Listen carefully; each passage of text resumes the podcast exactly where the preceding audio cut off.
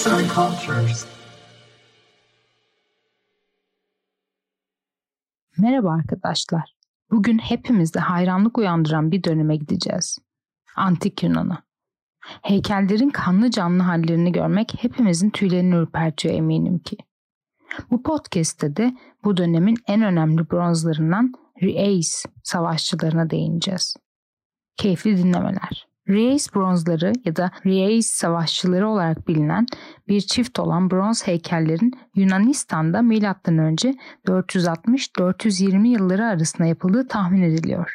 Heykeller Akdeniz'de Stefano Moriottini tarafından 16 Ağustos 1972'de İtalya'nın Ries Marina kıyılarında keşfedilmiştir. Ortalama bir insan boyutundan biraz daha büyük olan çıplak erkek figürleri biri diğerinden daha yaşlı olan iki savaşçıyı temsil eder ve bu heykeller klasik Yunan heykel sanatının başyapıtları olarak kabul edilir. Stefano Mariottini'nin yaptığı dalış sırasında kumlu deniz tabanında bir kolun sarkık olduğunu fark etmiş ve araştırmak için 8 metre derinlikteki deniz tabanına dalış yapmıştır. Önce bu elin bir insana ait olduğunu düşündüğünü ifade eden Stefano, daha sonra bir insana ait olmadığını, büyük bir heykele ait olduğunu fark etmiştir. Bunun üzerine yetkililere haber verilmiş, arkeologların gözetiminde bir polis dalış ekibiyle havayla şişirilmiş balonlardaki iki figürü de su üzerine çıkarmışlardır. Dalış alanının 1972 ve 1981 yıllarında daha fazla araştırılması sonucu muhtemelen bir geminin parçası olarak kullanılan 28 kurşun halka ve 2 bronz dingil içeren bir gemi omurga parçası ortaya çıkarılmıştır.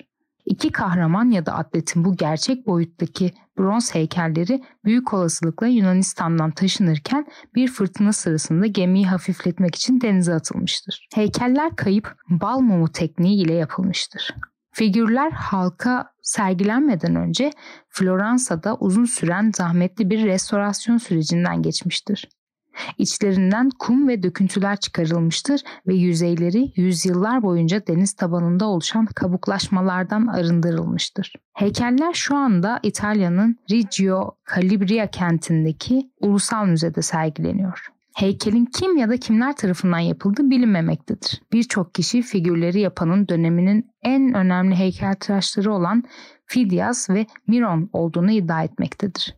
Klasik Yunan heykeltıraşlığından en büyük yenilik heykellerin frontal duruşlarının değişip vücut ağırlığının bir bacak üzerine verilmesidir. Böylece heykelin ana ekseni düz bir çizgi yerine eğri bir çizgiye dönüşmüş, yapılan heykeller doğal gerçekliğe kavuşturulmuştur.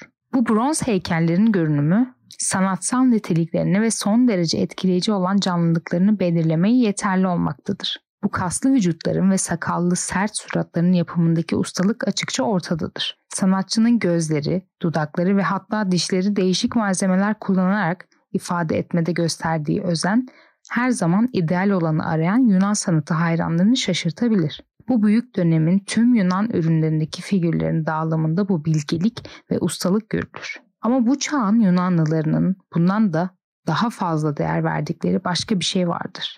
Her duruş ve devinimdeki insan gövdesini betimlemedeki bu yeni özgürlüğün betimlenen figürlerin iç yaşamlarını yansıtmada da kullanılması.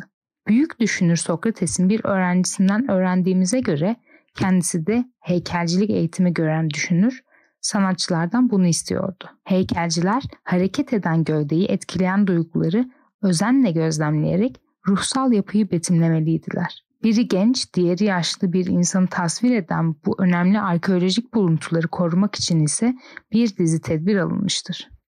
Heykeller kendisine ev sahipliği yapan sergi odasında deniz altında bulundukları sıradaki nem koşullarını ve sıcaklıkla korunuyor. Uzmanlar bunun nedenini ise yüzyıllardır o koşulda bozulmadan kalmış olmaları olarak açıklıyor. Yazan Mahir Yılmaz, seslendiren Polen Biçer.